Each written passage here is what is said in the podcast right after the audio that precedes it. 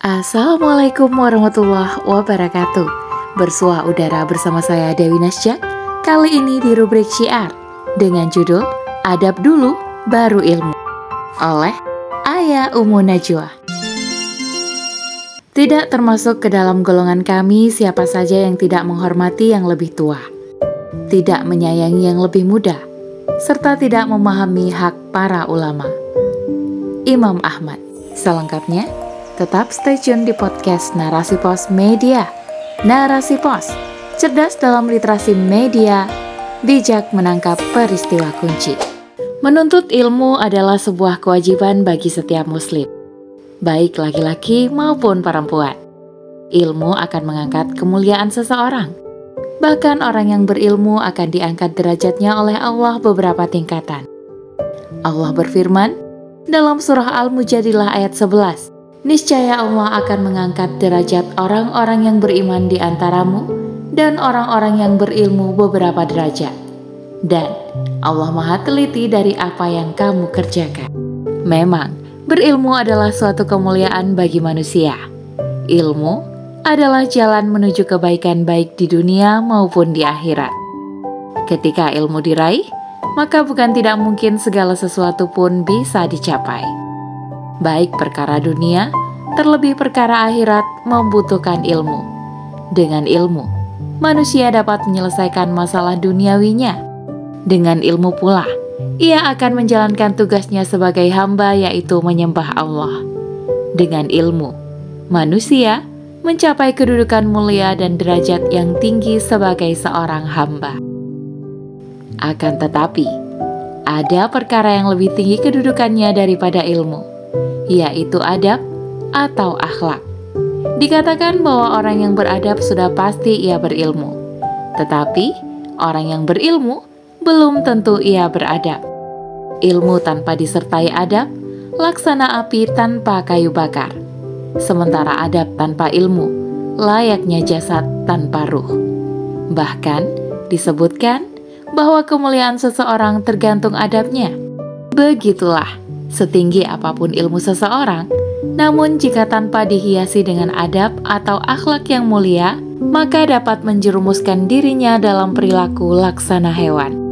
Dalam sebuah pepatah Arab dikatakan, Al-adabu fauqal ilmi. Artinya, adab lebih tinggi daripada ilmu. Begitu pentingnya adab, bahkan para ulama terdahulu begitu fokus mengingatkan kita untuk lebih dulu mempelajari adab sebelum menuntut ilmu. Karena begitu pentingnya adab dalam menyertai keilmuan seseorang. Syekh Saleh Al-Ushaimi pernah berkata, dengan memperhatikan adab, maka ilmu akan mudah diraih. Namun, jika adab kurang diperhatikan, maka ilmu akan diabaikan. Karena itulah, para ulama salaf sangat memperhatikan adab hingga mereka sangat serius mempelajarinya. Di antaranya adalah Ibnul Mubarak yang berkata, kami belajar masalah adab selama 30 tahun, sementara kami belajar ilmu hanya selama 20 tahun. Juga ada Ibnu Sirin yang berkata, para ulama terdahulu mempelajari tentang adab selayaknya mereka menguasai suatu ilmu. Juga Makhlad bin Al-Husain, ia menyampaikan kepada Ibnul Mubarak kami membutuhkan belajar adab daripada menguasai hadis lebih banyak. Az-Zahabi dalam syiar A'lamin Nubala menyebutkan bahwa Abdullah bin Wahab berkata, kami lebih banyak nukil terkait adab daripada ilmunya. Imam Malik sendiri pun pernah berkata, dulu aku diperintahkan oleh ibuku untuk duduk bermajelis dengan seorang fakih di Madinah pada masanya, yaitu Robiah ibnu Abi Abdirrahman.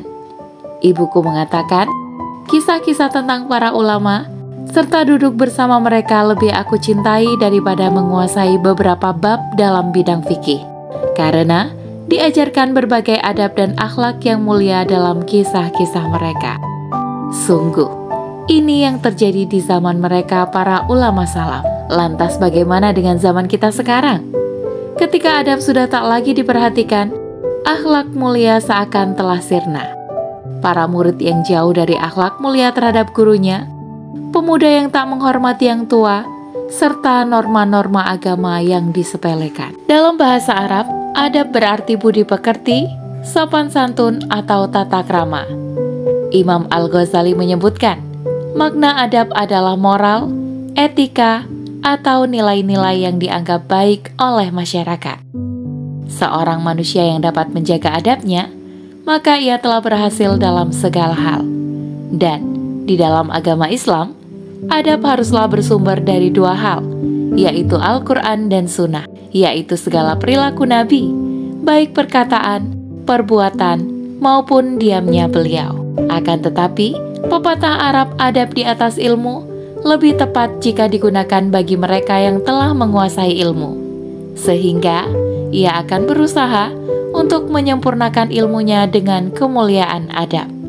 Dan pepatah Arab ini kurang tepat jika ditujukan kepada orang jahil yang tak berilmu, karena malah akan membuatnya mengira bahwa ilmu itu tidak penting, yang akhirnya ia akan merendahkan ahli ilmu dan membenarkan kebodohannya. Maka bagi para pencari ilmu, salah satu adab yang sangat penting untuk diperhatikan adalah bagaimana adab kita terhadap para guru kita. Karena guru adalah salah satu faktor terbesar dalam penyebaran ilmu, terutama ilmu agama. Mereka para guru agama adalah para pewaris nabi. Mereka laksana bintang penunjuk jalan di tengah gelapnya samudra bagi para pelayar. Mereka laksana cahaya di tengah kulitannya malam. Merekalah jalan kita menemukan cahaya Islam di tengah kebodohan kita. Ingatlah pesan Rasulullah dalam sebuah hadis riwayat Imam Ahmad. Tidak termasuk ke dalam golongan kami siapa saja yang tidak menghormati yang lebih tua, tidak menyayangi yang lebih muda, serta tidak memahami hak para ulama. Dari hadis tersebut, jelaslah bahwa sebagai murid kita harus menghormati para ulama dan wajib bagi kita untuk memperlakukan mereka sesuai dengan haknya. Di antara adab terhadap guru yang harus kita lakukan adalah sebagai berikut. Pertama, menghormatinya, para pendahulu kita. Para teladan terbaik setelah Rasulullah untuk manusia telah mencontohkan adab mulia dalam hal menghormati guru. Imam Bukhari meriwayatkan dari seorang sahabat Abu Said Al-Khudri. Ia berkata, "Dikala kami sedang duduk-duduk di masjid, keluarlah Rasulullah Shallallahu alaihi wasallam. Kemudian beliau duduk di depan kami. Maka serasa di atas kepala kami ada burung. Tak seorang pun dari kami berani berbicara." Sepupu Rasulullah ulama umat ini Abdullah ibnu Abbas seorang sahabat yang alim ia pernah menuntun tali kekang kendaraan Zaid bin Sabit al-Ansori dan ia berkata, Beginilah kami diperintahkan untuk memperlakukan para ulama kami. Juga Abdurrahman bin Harmalah. Ia berkata, tidaklah seseorang yang berani bertanya kepada Said bin Musaib hingga dia meminta izin layaknya kepada seorang raja. Ar-Rabi bin Sulaiman murid Imam Syafi'i juga berkata, Demi Allah, aku tidak berani minum air dikala Asyafi'i menatapku karena seganku kepadanya. Kedua, tawaduklah kepada mereka. Tawaduk adalah sikap merendahkan hati, tidak merasa tinggi hati, dan tidak merasa sombong merupakan sikap tawaduk kita kepada guru kita. Dengan berharap mereka ridho dengan ilmu yang mereka berikan kepada kita. Karena Khalifah Umar bin Khattab mengingatkan kita dalam riwayat Imam Al-Baihaqi. Tawaduklah kalian terhadap orang yang mengajari kalian ilmu. Begitupun Imam Syafi'i yang berkata, dulu aku akan dengan sangat lembut dalam membolak-balikan kertas di depan Imam Malik, dikarenakan rasa seganku padanya, dan agar dia tak terganggu sebab mendengarkannya. Betapa mulia akhlak para suri tauladan umat ini. Maka tidaklah mengherankan jika akhirnya mereka menjadi ulama besar yang ilmunya bermanfaat hingga hari ini. Sungguh, keberkahan ilmu mereka merupakan buah dari akhlak mulia mereka terhadap para gurunya. Inilah yang harus kita contoh dan harus kita terapkan dalam kehidupan kita. Di tengah arus kerusakan zaman yang telah mengikis nilai-nilai Islam yang mulia.